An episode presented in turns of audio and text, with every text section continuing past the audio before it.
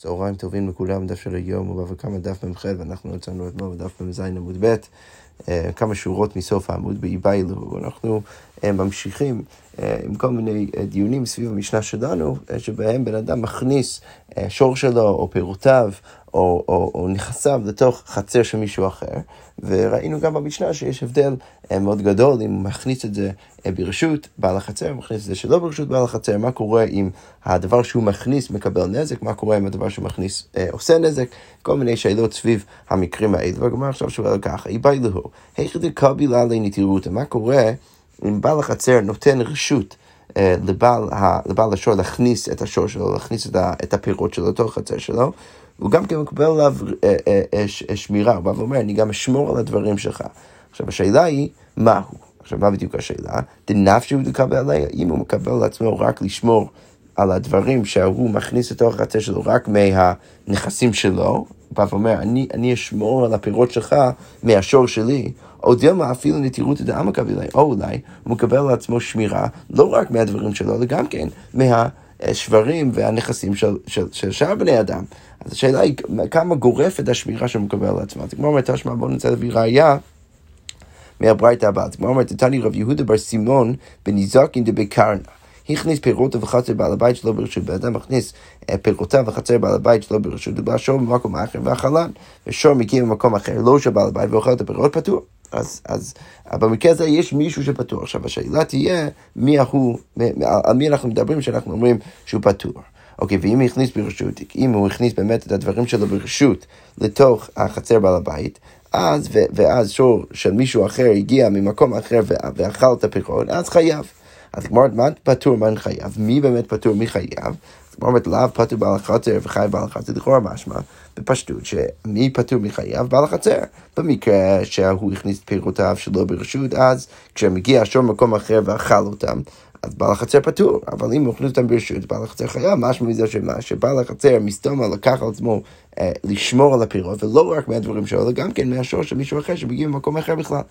אז כמו אומרת, אמרי לא, זה, אתה לא בכלל צריך, צריך להגיד ככה, למה? כמעט אתה יכול להגיד? פטר בעל השור וחייב בעל, פטר בעל השור וחייב בעל השור, שיכול להיות שמדובר דווקא על בעל השור, לא על, על בעל החצר, אלא בעל השור, שאם ההוא הכניס פירותיו לחצר שלא ברשות, אז פתאום בעל השור יהיה פטור, ואם הוא הכניס את זה ברשות, אז בעל השור יהיה חייב. אז כמו אומרת, רגע, ואי בעל השור, אם אתה רוצה להגיד שמדובר בעל השור, מהי ברשות, מה שלא ברשות איכה, איך זה קשור לרשות לא רשות, הרי זה לא המרחב שלו, השור שלו מקים במקום אחר, לתוך חצר של מישהו אחר, ואוכל פירותיו של מישהו שלישי. מה זה קשור עם ההוא שהכניס את פירותיו לתוך חצר ברשות או לא ברשות?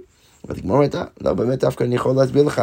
אמרי, ברשות, הביא לשן ברשות הניזק. אם הוא הכניס את זה ברשות, אז בעצם יוצא שהרשות של בעל החצר הופך להיות גם כן רשותו של בעל הפירות. ולכן זה באמת, שהשור מגיע ואוכל את הפירות, זה שם ברשות הניזק.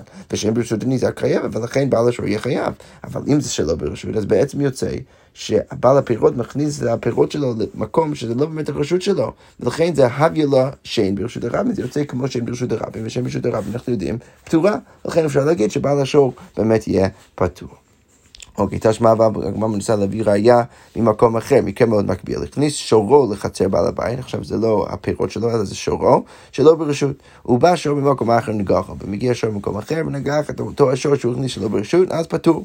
ואם הכניס ברשות חייב, אז שוב הגמרא שואל, מה פטור מה חייב? לא פטור בעל חצר וחייב בעל חצר. בטח זה שפטור בעל ה... אה, בעל החצר, ו- וחייב בעל החצר. משמע מזה שמה? שלכאורה אפשר להגיד שכשבעל החצר נתן רשות להוא להכניס את השור שלו לתוך רשותו, אז הוא לקח על עצמו שמירה לא רק מהדברים שלו, אלא גם כן מהשור שמגיע ממקום אחר. אז היא אומרת לא, באמת אפשר להציע כמו שאתה גם למעלה פטור בעל השור חייב בעל השור. היא אומרת, יחי, מה ברשות, מה שלא ברשות איכה? אם אתה רוצה להגיד ככה, אז איך, מה קשור רשות לרשות? ויש פה עוד שאלה סמויה, היא אומרת, בשביל מה אני יכול להבין למעלה שתירצת לגבי השן, כי באמת בשן זה משנה בין חצר ניזק לא חצר ניזק, באמת יצא מאוד טוב, יכולנו באמת לתרץ שם, אבל כאן, לגבי שור, מה זה משנה? אז באמת לא משנה אם הוא הכניס את זה ברשותו או לא ברשותו.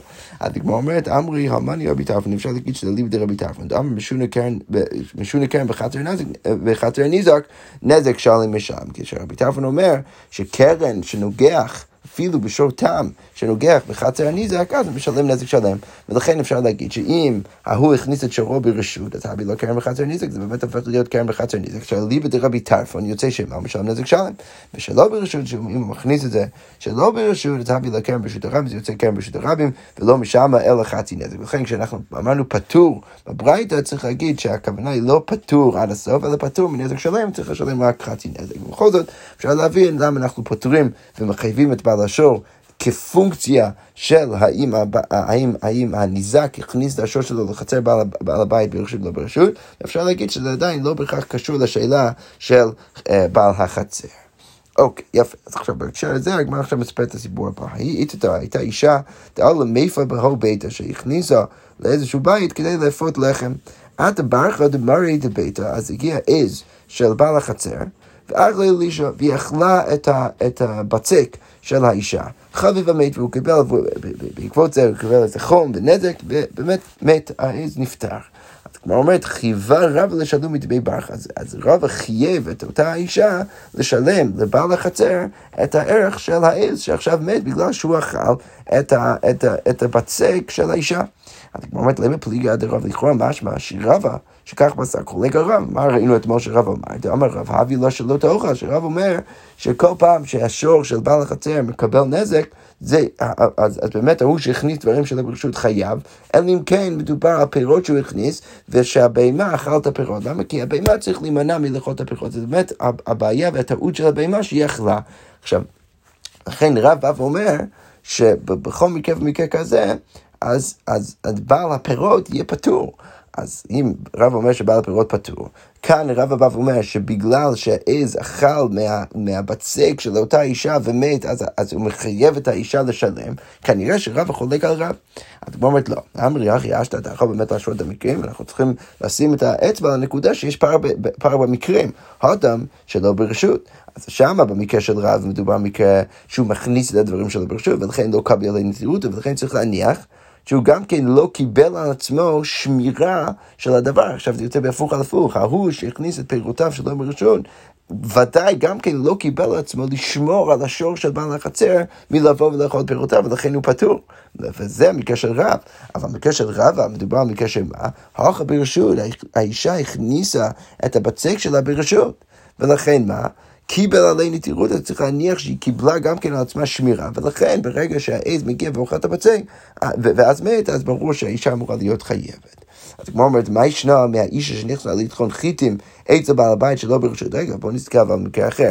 אישה הכניסה אה, אה, חיטין כדי לטחון אותם עץ הבעל הבית שלא ברשות, והחלטה בהמתו של בעל הבית, מגיע הבהמה של בעל הבית, אוכל את החיטין. אז, אז זה שעכשיו הבהמה אכלה את הדברים של האישה, פטור. אם הוסקה, אם הבהמה קיבלה נזק מזה, חייבת. אז לא רק שאם הבהמה אכלה, אז בעל, בעל הבהמה, בעל החצר, פטור מלשלם לאישה, אז לא רק זה, אלא גם כן אם הבהמה קיבלה נזק מהחיטין, אז האישה צריכה לשלם את עבור הנזק שהיא גרמה. אבל מה משמע מזה? אפשר לדייק. טיימה שלא ברשות, לכאורה משמע שלא ברשות. אבל לא ברשות פטורה, לכאורה משמע מזה שאם היא הכניסה את החיטין ברשות, והבהמה אכלה וקיבלה נזק, אז אישה אמורה להיות פטורה, שזה בדיוק בניגוד לרבה, שרבה רצה להגיד שבמקרה שהכניסה ברשות, אז בגלל זה אפשר להניח שהיא קיבלה על עצמה שמירה מהבהמה שיבוא ויאכל את הדברים שלה, ולכן אה, היא באמת אמורה להיות חייבת, פה איזה פער. אז כמו אומרת אמרי, צריך לעשות פער בין שני המקרים. לטחון חיטים, במקרה שהאישה מכניסה חיטים כדי לטחון אותם, כיוון דלא בעיה צניעות תמידי, אז בגלל שזה לא מצריך איזשהו מרחב אה, אה, אה, מרחב בפני עצמו, וזה, לא מצריך צניעותה, אז לא מצטלקים ערוותא דחצר נפשיו, אז אין שום ציפייה שהבעל החצר מסלק את הבהמות שלו מאיפה שהאישה נמצאת, ולכן עלי דידי רמי נטיותא, ולכן הוא צריך להניח שהשור שלו מסתובב באזורים של האישה, הוא צריך לשמור על השור שלו, ולכן במקרה הזה, אם היא הכניסה ברשות, היא תהיה פתורה. אבל למיפה, אבל לאפות, כיוון דבעיה היא צניעותא, בגלל שהיא צריכה את המרחב שלה, אז מרבתא דחצר מסלקי נפשיו, אז ברור שהבעל החצר מסלק את הבהמות שלו מהאזור הזה בחצר. ולכן צריך דווקא להניח שהיא צריכה, צריכה עכשיו לשמור על הבהמות מלבוא לאכול אצלה. כך עלה דידה רמי נטירות, צריך להניח שהיא חייבת לשמור, ואם היא לא שמרה, והבהמה הגיעה, והעז, במקרה שלנו, הגיעה ואכלת בצק ומת, אז היא חייבת. יפה, כל זה לגבי uh, המקרה של רב, ועכשיו אנחנו נחזור חזרה למשנה, למקרה הבא של המשנה. עד עכשיו דיברנו על מקרה שההוא הכניס פירותיו לתוך היתר בעל הבית שלו ברשות. המקרה הבא שראינו במשנה זה מקרה שבו uh, uh, הוא הכניס שורו לחצר בעל הבית. ראינו גם שם שאם הוא הכניס את זה שלו ברשות, וזה עשה נזק, אז הוא חייב, ואם הוא קיבל נזק מה, מהדברים של, של בעל החצר, אז בעל החצר פטור, אבל אם הוא הכניס את זה ברשות בעל החצר, אז באמת בעל החצר יהיה חייב. אז כמו אמר רבא הכניס שורו לחצר בעל הבית שלו ברשות, וחפר בה בורות שכינו מהארון. מה קורה אם השור עצמו חופר בורות שכינו מהארון בתוך חצר? אז בעל השור חייב נזקי החצר, עכשיו הוא עשה נזק בחצר, הוא חפר מלא דברים בתוך חצר, אבל בעל החצר... אם הבור עכשיו יעשה נזק בהמשך, אז בעל החצר חייב נזקי הבור, הוא יהיה חייב. כמו בדף אגב, דאמר למרות שאנחנו כבר דרשנו את הפסוק, כי יכרה איש בור ולא שור בור, שדווקא ההוא שחופר את הבור, רק, הוא יהיה חייב רק אם הוא עושה את זה ולא אם השור עושה את זה, כאן הגמרא אומרת, הכא, למה בעל החצר יהיה חייב? כיוון דאית לי להאיך למלואי, בגלל שהוא צריך עכשיו למלא את זה, והוא יכול, ולא כמליה, והוא לא עושה את זה, אז כמאן דקר ידע, וזה כאילו הוא חפר את זה ולכן הוא יהיה חייב. משחק הגמרא אומרת, ואמר רבא הכניס שור לחצר בעל הבית שלו ברשות. והבזיק את בעל הבית, או בעל הבית הוזק בו, או שהשור הזיק את בעל הבית ישירות, או שבעל הבית בצורה אה, פחות אקטיבית קיבל נזק מהשור, אז באמת בעל השור חייב. אבל אם רבץ, אם השור ישב ועשה נזק, אז פטור.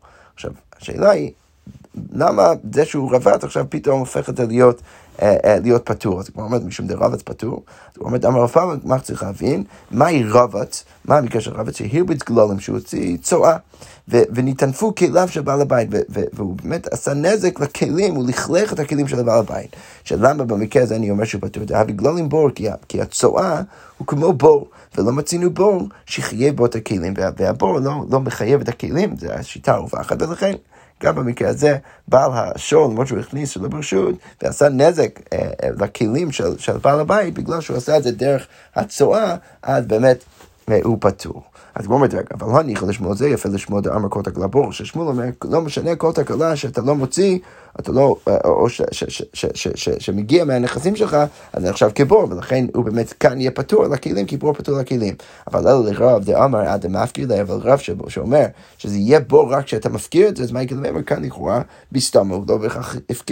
אבל כמו אומרת לא. אמרי, סתם גללים, אף קוראים מפקיר. זה ברור שצורה, ברגע שזה יוצא מבהמה, אז מסתם הוא מפקיר את זה, ולכן זה כן הופך להיות בור אפילו לי בדרך כלל, ולכן יהיה פטור לכלים. אוקיי, מה שחג אומר, ואומר רב נכנס לחצר בעל הבית שלו ברשות, בן אדם אה, אה, אה, הכניס או השור נכנס לתוך חצר בעל הבית שלו ברשות והזיק את בעל הבית, או בעל הבית הוזק בו, חייב. הזיקו בעל הבית פטור. אוקיי, אז מה קורה? מאוד דומה למה שראינו למעלה, שרב הבא ואומר שאם הבהמה או הבן אדם נכנס לבעל הבית שלא ברשות ועשה נזק לבעל הבית, או שבעל הבית הוזק בו, חייב, זה כבר ראינו מרבא למעלה. עכשיו רבא מוסיף שהזיקו בעל הבית, אם הבעל הבית עשה נזק לשור, אז בעל הבית פטור.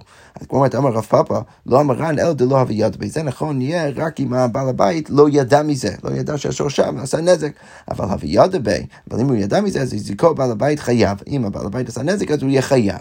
אז הגמרא אומרת, מה הייתה? למה שהוא יכריע? אז הגמרא אומרת, משום דאמר לי, נאי דאית לך רשות להפוקי. אז אולי יש לך רשות להוציא אותי מפה, אבל לעשות לי נזק, אין לך רשות. אז הגמרא אומרת, אז טעמיו, רב ורב פאפה, שניהם הולכים לשיטתם, דאמר רב ואיתם ורב פאפה, שניהם ברשות, או שניהם שלא ברשות. אם יש שני אנשים שמגיעים לאיזשהו מרחב ברשות, או שלא ברשות, אז הזיקו זה את זה חייבים, הוזקו זה בזה, פטורים. למה? כי כל אחד הם באותו סטטוס, או שהם מגיעים לזה ברשות, או שלא ברשות, ולכן אם אחד עשה נזק אקטיבית למישהו אחר, הוא תמיד יהיה חייב, אבל אם הנזק קרה ממילא, אז הם יהיו פטורים.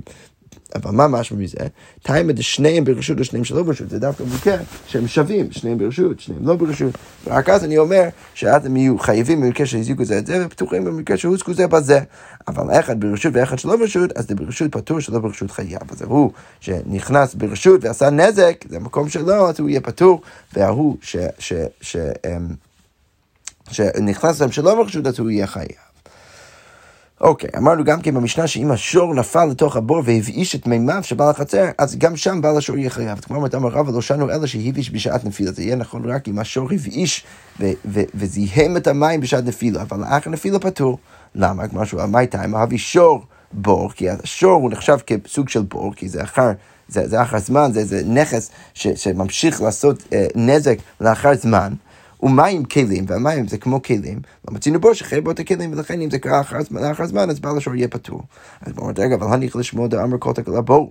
זה יהיה מעולה לשמוע, אבל לרב דאמר עד מאפקילי. שכאן, מסתם, הוא לא מפקיר את השור שלו, מה זה גלמי, וזה לא נחשב כבור, אז למה שיהיה פטור? אז כמו לאית מרחי, מה ככה צריך להגיד, אמר רב, לא שנו אלה שהביש מגופו. אה, זה יהיה נכון רק אם השור הבאיש את מימיו מגופו, אבל הבאיש מריחו, אבל אם השור הבאיש את המים מריחו, עד פטור. אז כמו אומרת, מה הייתה? אמר גרם בעמו, כי זה נחשב כגרם בעמו, גרם בעמו לא מחייב, ולכן הוא יהיה פטור. אוקיי, אמרנו גם כי במשנה שאם היה אביו או בנו לתוכו, משלם את הכופר. אז במקרה הזה, אם השור נפל לתוך הבור, ואביו או בנו היו, היו בתוך הבור, והוא המית, השור המית את, את אביו של בעל החצר או בנו, אז בעל, בעל השור צריך לשלם את הכופר. אז כמו מטבע המים, למה שהוא יצטרך לשלם את הכופר? התמו, הרי מדובר כאן לכאורה על שור תם, לפחות שור תם, שעוד לא נפל לתוך, אה, לתוך, לתוך בורות והרג אנשים. אז, ואנחנו יודעים שבשור תם לא צריך לשלם את הכופר. אז באמת אמר רב, במורד ליפול על בני אדם בבורות הסגירה. מדובר על שור שכבר כמה וכמה פעמים נפל על בני אדם בבור. ולכן באמת זה נחשב כשור מועד, ולכן הבעלים צריכים לשלם את הכופר. אז כמו אומרת, רגע, יחי, בר קטלו, רגע, למה שלא, עוד לא הרגנו את השור בעבר, אבל אם כל פעם הוא ממית בני אדם, כל פעם צריך להרוג אותו. אז כמו אומרת, אמר רב יוסף, דחד ירוק ונפל. כל פעם מדובר במקרה שהשור לא עשה את זה בכוונה. הוא, הוא, הוא ראה איזשהו עשב ורצה לאכול ואז נפל, ולכן לא הרגנו את השור. אבל כאן בפעם השלישית הוא כבר נחשב כשור מועד, ולכן הבעלים צריכים לשלם את הכופר. ואומרת שמואל אמר, הומני מי התנא של, של המשנה, שאפשר לתרץ גם כן למה הוא צריך לשלם את הכופר, רבי יוסי הגלילי, רבי יוסי הגלילי אומר, נחנם, אולי מדובר על שור תם, אבל הוא אומר, דאמר תם משלם חצי כופר, שצריך לשלם חצי כופר. הוא לא אמר תירוץ דומה, אבל רק מוסיף עוד נקודה, רבי יוסי הגלילי דאמר כרבי טרפון. רבי יוסי הגלילי אליבא דרבי טרפון, שמה רבי טרפון אמר? לא רק כמו רבי יוסי הגלילי, שהשור תם צריך לשלם את, את חצי כופר, אלא שרבי טרפון אומר, דאמר קרן בחצר הניזק נזק של המשלם. שרבי טרפון אומר שקרן בחצר הניזק צריך לשלם אה, נזק שלם אפילו בשורתם, ולכן גם כן לגבי הכופר החינמי, אם זה בחצר ניזק, למרות שזה שורתם, אם אתה אליבא דרבי יוסי הגלילי וגם אליבא דרבי טרפון, אז החינמי כופר שלם משלם, צריך לשלם כופר שלם, אה, למרות שזה שורתם, בגלל שזה בחצר הניזק. אוקיי, אז עכשיו כבר אומרת, בשלמה לאולה, אני מבין את אולה עכשיו, אני קטני יאבי ובנו תוכו, שאז אני מבין. למה אני צריך להגיד את זה? כי זה כדי להצדיק את, את התשלום של הכופר השלם. בתוך חצר ניזק, ולכן זה צריך להיות דווקא מישהו שהוא קשור לבעל החצר, אביו ובנו. אלא לשמואל, מה עיר אביו ובנו? אפילו אחר נמי. צריך, יכול, לכאורה היה יכול להיות כל, כל, אחד, לא צריך להיות מישהו מהמשפחה, זה לא מוסיף שום דבר מזה שאני הופך את זה להיות חצר ניזק, כי גם ככה שמואל אומר שמדובר על חצי כופר ולא כופר שלם. אז כמו אומרת, אני חנמי, אבל אורכי דמיות קטנים. אפשר להגיד שסתם המשנה דיברה בהווה, המקרה הכי נוכח זה מקרה שבו אביו או בנו של, של בעל החצר יהיה בתוך הבור, ולכן על זה דיברנו למרות שזה לא באמת משנה את הדין. אוקיי, אמרנו גם כן אה, במשנה, אם, אם הכניס ברשות, אז שם ראינו שאם אה, אה, בעל השור הכניס את השור שלו ברשות, אז בעל החצר יהיה חייב אם איזשהו נזק יקרה לשור. אז כמו אמרתי, איתמר, רב אמר איך אותו כתנא קמא, שמואל אמר איך אותו כרבי. עכשיו, מה רבי אמר במשנה? רבי אמר במשנה, שלעומת תנא קמא שבא ואומר, שמסתמה אם הבעל השור הכניס את שורו לתוך חצר בעל הבית ברשות, שצריך להניח שבעל הבית, בעל החצר, קיבל עצמו לשמור על השור של אותו בעל השור, ולכן אם יקרה איזשהו נזק בתוך חצרו לשור, אז בעל החצר יהיה חייב. לעומת זה, רבי אומר שהוא פטור, כי מסתם אתה לא יכול להניח שבעל החצר לוקח לעצמו את האחריות ואת השמירה על השור. עכשיו, אז עכשיו השאלה היא איך אנחנו פוסקים. אז, אז רב אמר לך אותו כתנא קמא, שמואל אמר לך אותו כרבי. כמו אומרת לנו רבנו כתוב בברייתא, אם בן אדם אומר לחברו כנו שוחרו שומרו, אז אתה יכול להכניס את השור שלך ואתה צריך לשמור עליו. אז אם היזק חייב, הוזק פטור. אז אם עכשיו השור עשה נזק, אז בעל השור יהיה חייב. למה? כי למרות שהוא הכניס לברשות, בעל החצר אמר לו במפורש שאתה צריך לשמור עליו, אם הוא קיבל נזק, אז בעל החצר יהיה פטור. למה? כי הוא לא אמר שהוא ישמור על זה. אוקיי, אם הוא אומר כנו שורך ואני אשמרנו, אז הוא זק חייב. אם, הוא, אם השור קיבל נזק, אז ברור שבעל החצר יהיה חייב, כי הוא לקח לעצמו את האחריות, אבל אם הוא עשה נזק, היזק, אז הוא יהיה פטור, כי אין שום הנחה שבעל השור צריך אה, לדאוג ולשמור על השור שלו. אבל מה אומר ג'ק? הגוף הקשי, לכאורה משמע שיש סתירה מתוך הביתה. למה? כי עמד ברישא כנו שורך ושומרו, אתה צריך לשמור עליו, היזק חייב, הוא זק פטור. מה משמע מזה? תימא דאמר לשומרו. דווקא בגלל שהוא אמר לו לשמור אקטיבית על השור שלך, אז בגלל זה דחייב בעל השור פטור בעל חצר. הסתמה, אבל אם לכאורה הוא היה אומר לו, אתה יכול להכניס, והוא לא היה אומר שום דבר לגבי השמירה, אז, אז הייתי אומר לכאורה חייב בעל החצר, הוא פטור בעל השור, לכאורה משמע, שזה כמו רבנן מהמשנה. דבשתמה מקבל לנטירות, דבשתמה מקבל לעצמו שמירה. אבל אם הסיפא, בוא נסתכל בסיפא, כנו שוחר ואני אשמרנו, תכניס את השור שלך אה, לתוך החצר שלי ואני אשמור עליו, הוא זה חייב, הזיק פוטר. מה משמע זה? תלמיד אמר לי ואני אשמרנו, הוא מחייב בעל החצר פוטר בעל השור, דווקא בגלל שהוא אמר אני אשמרנו, אבל הסתם אם הוא לא אמר את זה, אז חייב בעל השור ופוטר בעל החצר. דבשתמה לא מקבל לנטירות, לכאורה משמע זה שזה כמו רבי, אתה ענה רבי, דאמר עד שיקבל נטירות הבעל הבית לשמור. אז לכאורה משמע שהסייפה כמו רבי, אז רישא ברבנן, סייפה כמו רבי, אז כמו אומרת רישא רבנן וסייפה רבי. אומרת, אמר רבי לוזר, כן, תברא. צריך להגיד שבאמת החלק הזה, או הברייתא היא באמת שבורה. מי ששנה זו, לא שנה זו, מי שאמר את זה, לא אמר את זה, הם באמת אה, אה, סותרים וחולקים אחד על השני. אז כמו אומרת רבו אמר, כולי רבנן, לא באמת אפשר להגיד שהכל לימדי רבנן. אוקיי, זה מעולה לגבי הרישא, מה תגיד לגבי הסייפה? אז כמו אומרת, הייתי נסיף רישא שומרו, בגלל שברישא מדברנו במקרה של שומרו, שבאמת דייקנו משם, שמסתמה הוא כן מקבל על עצמו שמירה, אבל רק בגלל הניסוח הזה, אז תנא סיפא אני אשמרנו. אבל אין חנם שהסיפא יהיה נכון גם במקרה של, סת, של, של, של סתם, שהוא לא מנסח במפורש, והכל בסדר גמור. אוקיי, רב פאפה אמר כולי רבי, לא, דווקא אפשר להגיד שהכל רבי. אז מעולה, אז, הסיפא לכאורה מובן, אבל הרישא לא.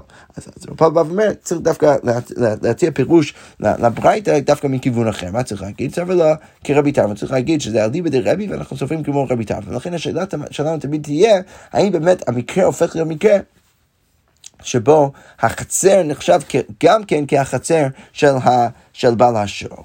אז, אז, אז מה רבי טרפון אומר? אמר כן בחצר נזק, נזק שלם משלם. הילקח, אם אמר לי שומרו, אתה צריך לשמור עליו, זה לא מקנה למקום בחצר, אז הוא לא מקנה למקום באמת מחצר, זה לא הופך להיות גם כן חלק החצר שלו, של בעל השור, ולכן הביא לקרן בחצר נזק, ולכן יוצא שמדובר במקרה של קרן בחצר נזק, הקרן עכשיו עושה נזק בתוך חצר נזק, קרן בחצר נזק הוא נזק שלם, ולכן הוא יהיה חייב. אבל לא אמר לשמור, אם הוא לא אמר לו שהוא צריך לשמור, אז הקנוי, הקני לי מקום בחצר, זה יוצא שבאמת מקנה לו מקום בתוך חצר, הביא לחצר שוטים, ואז יוצא באמת כמו חצר שוטבין. ובחצר שוטבין, מה אנחנו יודעים שהוא הדין? בעיקר בחצר אין למשל מלך חצי נזק. לכן צריך להגיד שבאמת, כמו שאמרנו גם אה, אה, למעלה בדף, שגם כאן, אם אנחנו רוצים להעמיד את זה ריבית דרבותם, צריך להגיד שכשאמרנו שבעל השור יהיה פטור לא התכוונו, אם, אם השור בא ומזיק, זה לא יהיה נכון שהוא פטור לגמרי, אלא הוא פטור רק מנזק שלם, אבל כן צריך לשלם חצי נזק. זה מסביר בכל זאת הפער בין הרישא והסיפא. כלומר, רישא הוא לא מקנה לו מקום בתוך החצר, ולכן זה חצר ניזק, והקרן בחצר ניזק תמיד ישלם נזק שלם, ובסיפא הוא מקנה לו מקום בתוך החצר, ולכן זה הופך להיות חצר רשות, ולכן אם השור יוצא ועושה נזק, אז הוא יהיה חייב חצי נזק. נזק. זה מסביר בעצם את הברייתא, אליבא דרבי ואליבא דשיטתו של רבי טרפון. יפה, אנחנו נעצור כאן ונמשיך בעזרת השם עם אה, המשך הסוגיה ועם המשנה הבאה. שקוייך.